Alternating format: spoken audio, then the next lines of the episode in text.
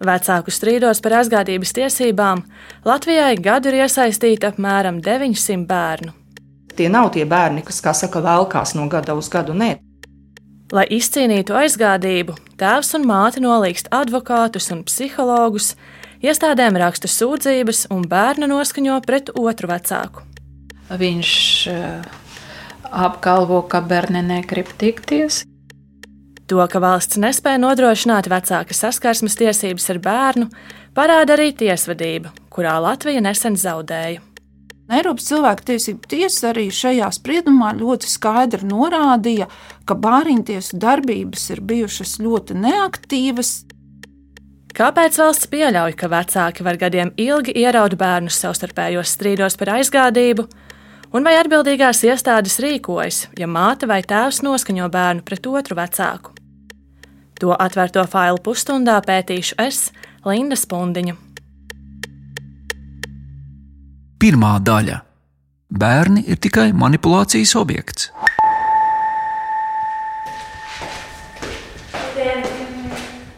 Rīgā esmu ieradusies pie trīs bērnu mātes. Sieviete no jau ceturto gadu šķiras no vīra un cīnās par bērnu aizgādību. Lai pasargātu bērnu intereses, raidījumā mātes īsto vārdu neatklāšu un saukšu viņu par Tatjanu piecus, sešus gadus mēs dzīvojam ļoti uh, labā atmosfērā. Mums bija laba uh, ģimene ar bērniem, ar prieku. Tatjana man parāda video, kuru uzņēma pirms vairākiem gadiem. Pozdravļājam! Apsveicam! Daudz laimes dzimšanas dienā! Cik tev ir svecītas? Saskaiti!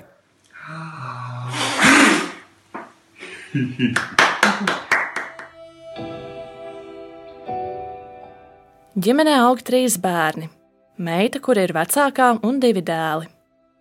Viņi visi ir vecumā līdz desmit gadiem. Ar bērniem es runāju krieviski, un uh, ar vīru angliski, un uh, bērnu tēvs ar bērniem angliski. Viņa ar vīru, austriešu uzņēmēju, iepazinās ārzemēs un tur arī apprecējās. Pāris nolēma ģimeni veidot Latvijā, kas ir Tatjanas dzimtene. Nesaskaņas laulātajiem sākās vēl pirms trešā bērna piedzimšanas. Strīdi bija saistīti ar vīra nedienām biznesā. Viņa uzvedība jā, sāks mainīties, un viņš arī nu, uzved ļoti dīvaini. Jā. Laulātie vienojās, ka jāšķiras. Vīrs sagatavoja dokumentus, kuros bērnu aizgādība bija noteikta tikai viņam. Tatjana tam nepiekrita, tāpēc lūdza tiesu šķirt laulību un lemt, ka bērniem jādzīvo pie viņas. Māte arī lūdza līdz sprieduma paziņošanai neatļaut tēvam bez viņas atļaujas izvest bērnus no valsts. Tiesa šo prasību apmierināja. Tobrīd jaunākajam dēlam bija vien daži mēneši, tāpēc ģimene turpināja dzīvot kopā. Mēs izgājām ārā uz pastaigu, ja mazam dēliņam bija desmit mēnešus. Un, kad es atgriežos, tas bija kaut kur ap sešiem. Durvis iedzinas bija jau nomainītas. Viņa stāsta, ka ar mazu bērnu rokās bija palikusi uz ielas. Mans vīrs neatbildēja uz manas zvanus. Sieviete izsauca pašvaldības policiju. Pēc ierašanās izsaukuma vietām policijas darbinieks vēlāk iestādes ziņojumā notikumus aprakstīja šādi. Dežūrdais darbinieks sazvanīja vīru, kurš paskaidroja, ka no saraksts ar sievu sapratis, ka sieva kontaktējusies ar personu, kura inficēta ar koronavīrusu. Un ņemot vērā šī brīža situāciju valstī, pirms sieva tieks ar pārējiem bērniem, viņai jāveic pārbaude, lai konstatētu, ka viņa nav inficējusies. Tatjana policistiem skaidroja, ka ir nonākusi bezpalīdzīgā stāvoklī un lūdza, lai viņu ved uz krīzes centru. Sievietei izskaidrots, ka nav nepieciešams ļaunprātīgi izmantot krīzes centru, ja viņai ir dzīvoklis, kurā neviens viņu neapdraud un ir iespējams palikt. Bērnu māte arī devās uz dzīvokli, kas viņai piederēja vēl pirms laulībām. Kopš brīža, kad vīrs viņu izlika no mājām, Tatjana tajā dzīvo kopā ar jaunāko dēlu. Tikmēr vecākie bērni dzīvo pie vīra. Meitu kādījos, ka viņš atveda jā, pāris reizes un askaņot un ļoti agresīva. Bērni nevēlas Tatjanu satikt, jo tēvs viņus noskaņo pret māti. Visa šī drāma un mani bērni tikai manipulācijas objekts. Man ir zināms, ka Tatjana vēl pirms izlikšanas no mājām vērsās policijā, jo bērnu tēvs iepriekš bija gan fiziski, gan emocionāli vardarbīgs pret sievu. Pašvaldības policijā Tatjana vērsās vismaz četras reizes. Savukārt valsts policija pēc mātes iesnieguma sāka resorisku pārbaudi, bet kriminālu procesu pret tēvu neierosināja. Tatjana Rīgas sociālajā dienestā izgāja rehabilitācijas kursu no vardarbības cietušām personām. Tāpat pēc palīdzības viņa vērsās arī resursu centrā sievietēm Marta. Tur intervijai uzrunāja centra sociālo darbinieci Lienu Celmiņu. Viņa stāsta, ka visgrūtāk vardarbīgas attiecības pamest, ja tajās ir kopīgi bērni, jo viņus izmanto kā manipulācijas līdzekli. Bieži vien arī sieviete saņem draudus, ka, tie, ka bērni tiks izvesti no valsts projām, ka viņi viņus nekad neredzējis. Šādus gadījumus centra Marta darbinieki ir pieredzējuši daudz. Problēma ir tāda, ka vienai no pusēm iespējams, kur prot labāk argumentēt un savu viedokli labāk izpaust, tai iespējams arī ir lielākas izredzes viedokli paust, un, un iespējams, kurš arī tiek ņemts vērā vai kurš tiek uzskatīts par e, patiesu. Mums jāatcerās, ka šis gadījums, emocionāli vardarbīgi, kas notikuši ar personām, to tikai viņas pašas zina. To, kurš pret kuru bija vardarbīgs, līdz šim nav izdevies noskaidrot arī tiesību sargājošajām iestādēm, kas šķirtat Janas un viņas vīra laulību. Bērnu tēvs, kuru raidījumā dēvēšu par Martinu, apgalvo, ka vardarbīga ir sieva un šķiršanās lietā ir iesniedzis pieteikumu par pagaidu aizsardzību pret vardarbību. Viņš grib, lai Tatjanai liektu satikties ar vecākajiem bērniem ārpus bāriņtiesas, kā arī, lai sieva viņam netuvojas tuvāk par 50 metriem. Mārtiņa lūgumu šovasar tiesa noraidīja, bet viņš to pārsūdzēja. Otrā daļa - nevienas tikšanās nebija.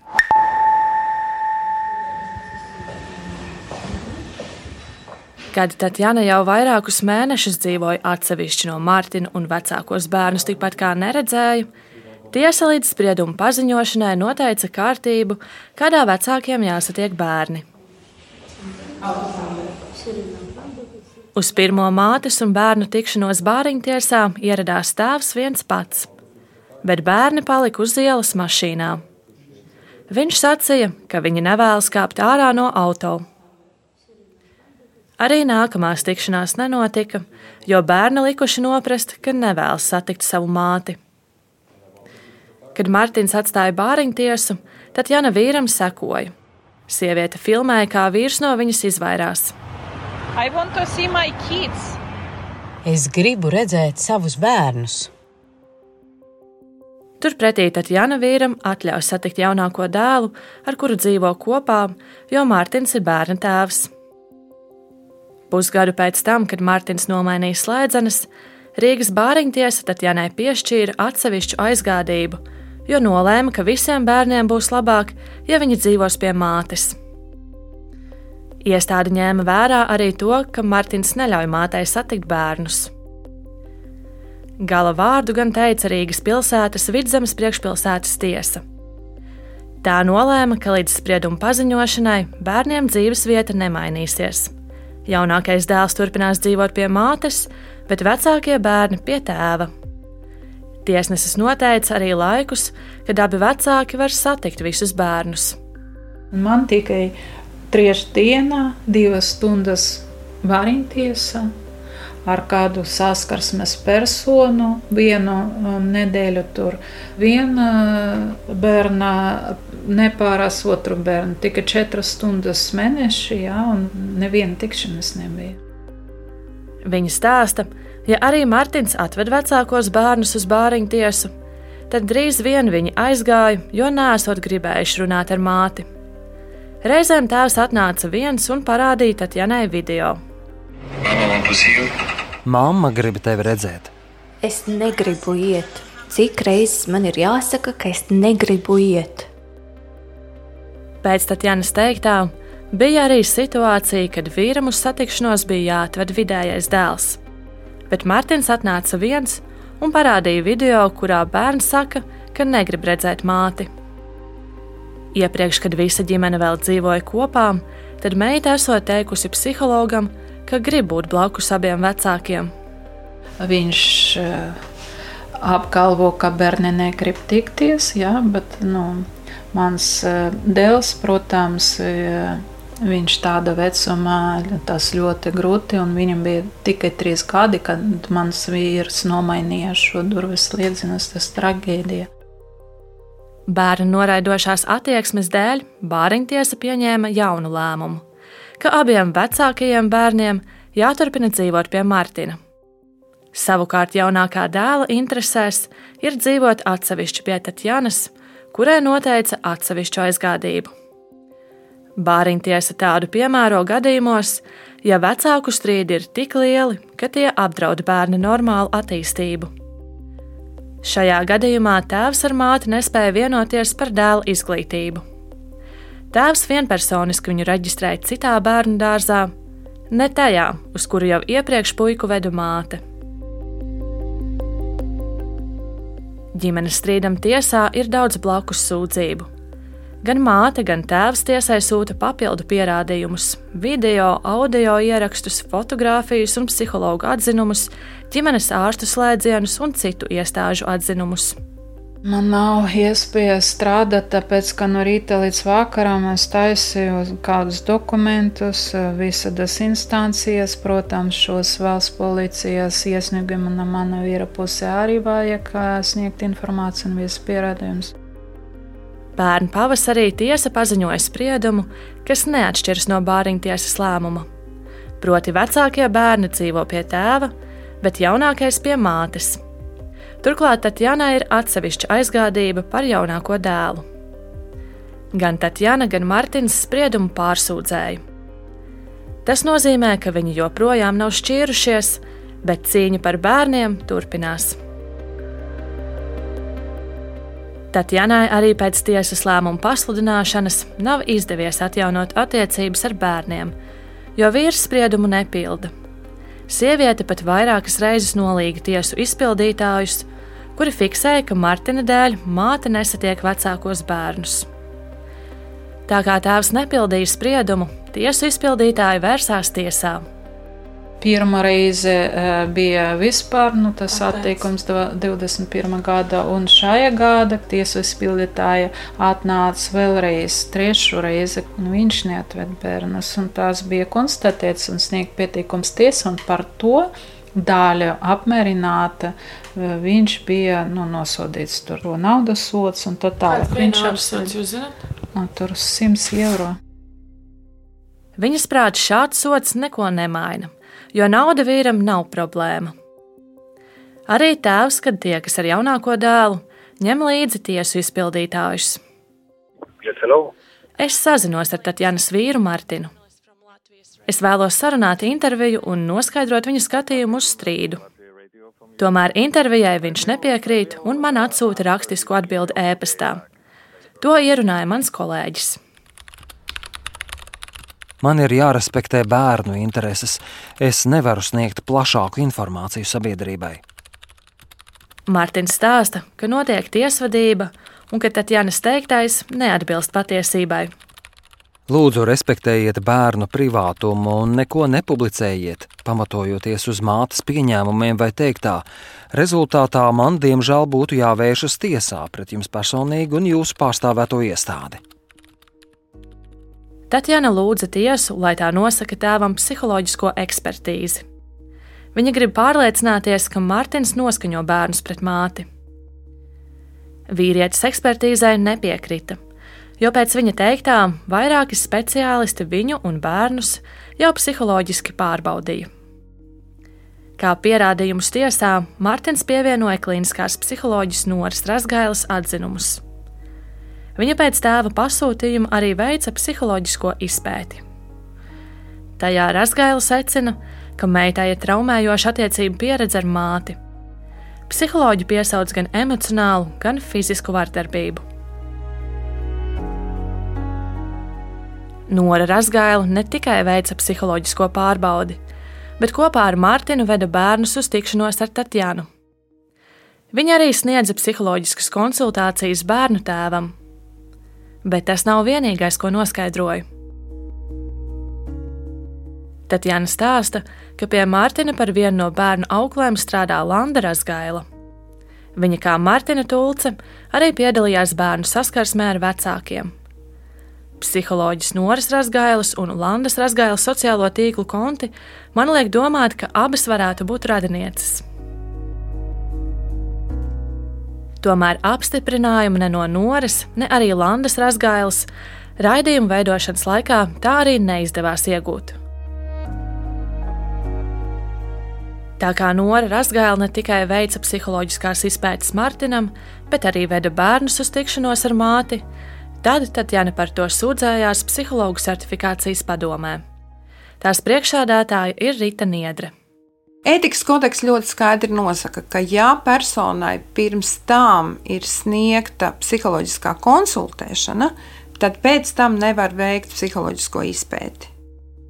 Psihologu certifikācijas padome arī secināja, ka Rasgailas sagatavotajos sadarbības pārskatos iekļauto informāciju nevar uzskatīt par ticamu. Padome atbildes vēstulē Tatjanai arī norādīja, ka, citēju, sadarbības pārskatos izteikties spriedumi un secinājumi uzskatām par Rasgailas subjektīvo viedokli, kas nav pamatots ar psiholoģiskā izpētē iegūtiem faktiem. Citāta beigas. Tādēļ padome pieprasīja no Rasgailas paskaidrojumu, un pēc tam ar viņu pārunāja, kā uzlabot darbu nākotnē. Rīta Niedra stāsta, ka vecākiem nav aizliegts pasūtīt psiholoģisko izpēti. Tomēr, ja tajā nepiedalās otrs vecāks, tas jānorāda kā rezultātu ierobežojums. To Rasgaila bija izdarījusi. Raidījuma veidošanas laikā neoficiālās sarunās man stāstīja, ka nereti vecāki meklē speciālistus, kas viņiem sniegs labvēlīgus atzinumus tiesā. Tādēļ reizēm bērnus ved pat pie vairākiem psihologiem. Rīta Niedra tam nepiekrita. Trešā daļa - tiesas ir aizgājušas pa nepareizu ceļu.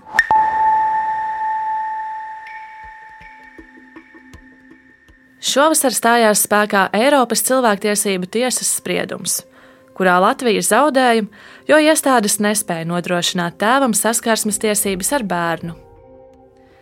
Portāls Delfi šogad maijā rakstīja, ka bērnu tēvs ir iepriekšējā sasaukuma saimas deputāts Edgars Kronbergs. Viņa strīds ar bijušo sievu par bērnu aizgādību ilga septiņus gadus. Kaut arī tiesa noteica, ka tēvam jāsatiek meita, māte spriedumu nepildīja un bērnu tikšanās reizēm bieži vien neatveda. Procesā iesaistījās tiesu izpildītājs, kurš sastādīja aktus par spriedumu nepildīšanu. Bet tiesa tos atcēla, jo māte nevar sodīt par to, ka bērns nevēlas satikties ar tēvu. Kad Edgars Kronbergs saprata, ka Latvijas tiesās visas iespējas ir izsmeltas, viņš vērsās Eiropas cilvēktiesību tiesā. Ieraugot eh, šo lietu, kur jau nu, pa gabalu bija redzams, ka bērna māte izrāda ļoti lielu pretestību un būtībā Latvijas iestādes ir bezspēcīgas viņas priekšā. Bija ļoti skaidrs, kāds varētu būt iespējamais Eiropas cilvēktiesību tiesas spriedums. Tiesvedībā Strasbūrā viņu pārstāvēja zvērināta advokāte Inese Nikuļceva. Eiropas cilvēktiesību tiesa arī šajā spriedumā ļoti skaidri norādīja, ka bāriņtiesu darbības ir bijušas ļoti neaktīvas, ļoti formālas un ka būtu nepieciešama tāda jēgpilnāka attieksme. Šajā gadījumā vēl bija tā, ka bāriņtiesa pat lūdza tiesu vispār atbrīvot viņu no pienākumiem. Eiropas cilvēktiesību tiesa secināja, ka ir pārkāptas Edgara Kronberga tiesības uz ģimenes dzīves neaizskaramību. Tiesa pārmeta bāriņtiesai, ka tai jau vairākus gadus bija zināms šis ģimenes strīds, bet iestāde nevarēja panākt, lai puses ievērotu tās lēmumus un rekomendācijas. Kaut arī lietas par bērniem jāizskata pātrināti, Nacionālās tiesas to darīja gausi. Turpina Ines Nikuļceva. Es teiktu, nevis ir formāla tiesu pieeja, bet tiesas ir vienkārši aizgājušas pa nepareizu ceļu, kaut kā absolutizējot to bērna vēlmi vai nevēlmi, neuzskatot, ka tiesu izpildītājiem ir jāpaskatās pēc būtības. Tiesa nolēma, ka par pamatiesību pārkāpumu Edgaram Kronbergam no valsts pienākas 10 000 eiro liela kompensācija. Tomēr strīds starp abiem vecākiem vēl joprojām turpinās. Cik es eh, saprotu, tad vēl aizvien iet kā pa caumiem. Respektīvi, saskarsme ar bērnu notiek, bet nu, bērna māte vēl aizvien eh, ļoti, ļoti pretojās. Un pēc būtības es teiktu, ka tās problēmas, kas bija iepriekš, nu, turpina pastāvēt. Nikuļceva stāsta, ka tas ir pirmais šāds spriedums pret Latviju. Viņa gan paredz, ka tas nebūs pēdējais, jo ir saņēmusi vairākus zvanus no vecākiem, kuri vēlas vērsties Eiropas cilvēktiesību tiesā. Daži tomēr iesniegumi ir tapuši Jā, skatīsimies, vai Eiropas cilvēktiesība tiesa pieņems šīs lietas, un, un vai tur būs kāda tālāka virzība. Kā šo tiesas spriedumu vērtē Latvijas tiesas izpildītāju padomē, iestādē, kas uzrauga zvērnātu tiesas izpildītāju darbu? Uzrunāja intervijai padomas priekšsēdētāju Ivetu Kruku. Bērna viedoklis, protams, ir svarīgs, un viņš tiek piefiksēts. Bet bērna nevēlēšanās nevienmēr būs uh, pamats atzīt, ka spriedums tiek pildīts. Eiropas cilvēktiesību tiesas spriedums viņu nepārsteidz, jo praksē jau ir atklājušās vairākas problēmas. Tas ir abu vecāku pienākums motivēt bērnu satikt māti vai tēvu. Ja otrs vecāks, pie kura dzīvo bērns, nav pielicis visas saprātīgas pūles, lai bērnu sagatavotu saskarsmē, tad es uzskatu, ka viņš nav izpildījis tiesas spriedumu. Bet nevienmēr tā uzskata arī tiesa, un to bieži izmanto vecāki. Bērns negrib. Tā ir šī brīža tendence. Pēc Ivetas Krukas teiktā, ja kāds no vecākiem arī nepilda spriedumu, tad pašreizējie sodi to neliek darīt. Mūsuprāt, ļoti bieži šie sodi ir nesamērīgi mazi, kas neveicina pienākuma sajūtu, ka tas ir jāpilda, savādāk būs sliktas sekas. Kādi ir tie sodi? Klasiski 20, 40, 50 eiro. Nu, nesen kolēģis dalījās ar pieredzi 100 eiro. Kaut arī maksimālais naudas sots ir pusotras tūkstotis eiro, Tiesa praksē piemēro mazus sodus, jo baidās, ka tas var ietekmēt bērna labklājību. Vai tai mammai būs pēc tam līdzekļi to bērnu pabarot tajā mēnesī? Ja tiesu izpildītājs atkārtoti konstatē, ka vecāks nepilda spriedumu, tad bāriņtiesa var atņemt aizgādības tiesības, savukārt policija var saukt pie krimināla atbildības. Īveta Kruka gan stāsta, ka vairumā gadījumu pēc sastapšanās ar tiesu izpildītāju vecāki sāk pildīt tiesas spriedumu. Vai pārunu ceļā, vai, vai nu, citreiz ar kādu vienu sodu, un, un, un tomēr tas process aiziet. Pēc sarunas ar zvērinātu tiesu izpildītāju padomus priekšsādātāju secinu, ka pie tā, lai bērni nekļūtu par ķilniekiem ilgadējiem vecāku strīdiem par aizgādību, svarīga loma ir efektīvam bāriņtiesas darbam Ceturtā daļa - bērna viedoklis nav absolūts lielums.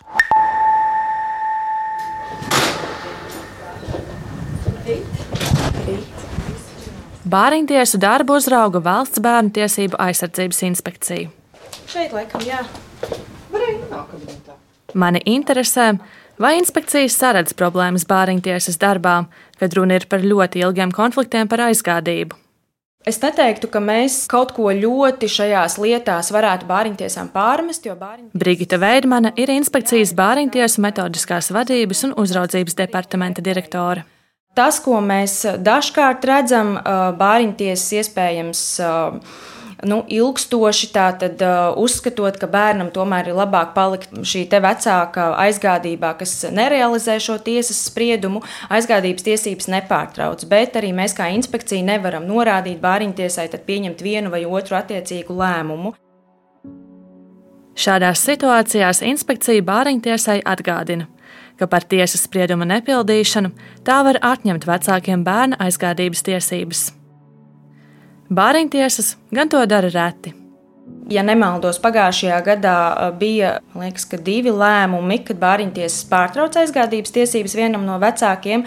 Šogad jau zinām, arī ir divi gadījumi, tātad nepilna gada laikā, kad bāriņtiesas ir pārtraukšas aizgādības tiesības vienam no vecākiem, un bērns ir nodots tātad otra vecāka aizgādībā.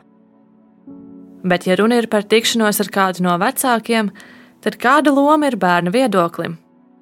To jautāju Bērnu tiesību aizsardzības inspekcijas vadītājas vietniecei Valentīnai Gorbanovai.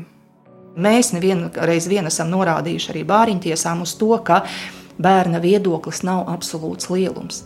Proti, ja ilgstoši viņš ir bijis viena vecāka aprūpē, un uh, otram ir liekta saskarsme ar šo bērnu, vairāk vai mazāk, protams, ka šī vecāka tieša vai netieša ietekme ir uz bērna viedokli, Katru gadu bāriņtiesas vērtē aizgādības lietas par apmēram 900 bērniem. Tie nav tie bērni, kas, kā saka, velkās no gada uz gadu. Nē, tie ir katru gadu citi 900 bērni, kas tiek iesaistīti. Kaut arī neviens neapkopo, cik vidēji ilgst viena lieta, kamēr vecāki cīnās par aizgādību, Valentīna Gorbanova stāsta, ka parasti tie ir vairāki gadi. Ir bijušas situācijas, kur, kur nereti bērni sasniedz arī pilngadību šādā eskalētā situācijā dzīvojot tos trīs, vai piecus vai sešus gadus. Pēc Eiropas cilvēktiesību tiesas lēmuma Edgara Kronberga lietā tiesu izpildītāji vērsās Tieslietu ministrijā, kur izskaidroja problēmas. Lai saprastu, kā uzlabot tiesas lēmumu pildīšanu šādās lietās, ministrijā izveidoja darba grupu. Līdz šim ir notikušas pirmās ekspertu diskusijas, kurās piedalās dažādu ministriju ierēdņi, tiesu izpildītāji, bāriņtiesas un bērnu tiesību aizsardzības inspekcijas darbinieki, kā arī citu jomu pārstāvji. Viens no priekšlikumiem ir vecākiem noteikt, ka pirms viņi var tiesāties par aizgādību, viņiem obligāti jāpiedalās mediācijā, lai mēģinātu vienoties. Tatjānas ģimenes strīds tiesā ilgst jau četrus gadus. Abi vecāki stāsta, ka ir mēģinājuši vienoties par mediāciju, tikai otra puse tai nav piekritusi. Konflikta laikā bērni ir bijuši pie dažādiem speciālistiem, kuri viņiem ir vairākas reizes veikuši psiholoģiskās pārbaudes. Nesen veiktie tiesu psiholoģiskās ekspertīzes atzinumi apstiprina, ka vecāku konflikts nelabvēlīgi ietekmē bērnu pašsajūtu Tāpat vecāku strīdu dēļ bērni ir bijuši pakļauti emocionālai vardarbībai. Es par to jautāju Tatjanai. Vai jūs domājat piekāpties, vai vīrs domā piekāpties tieši tāpēc, lai nebūtu šis strīds tik ilgs, lai tad bērni mazāk cieš? Es nezinu, kāda veida. Raidījumu veidoja Linda Spundiņa, Ģedards Ģelzis un Reinis Budze. Atvērtie faili!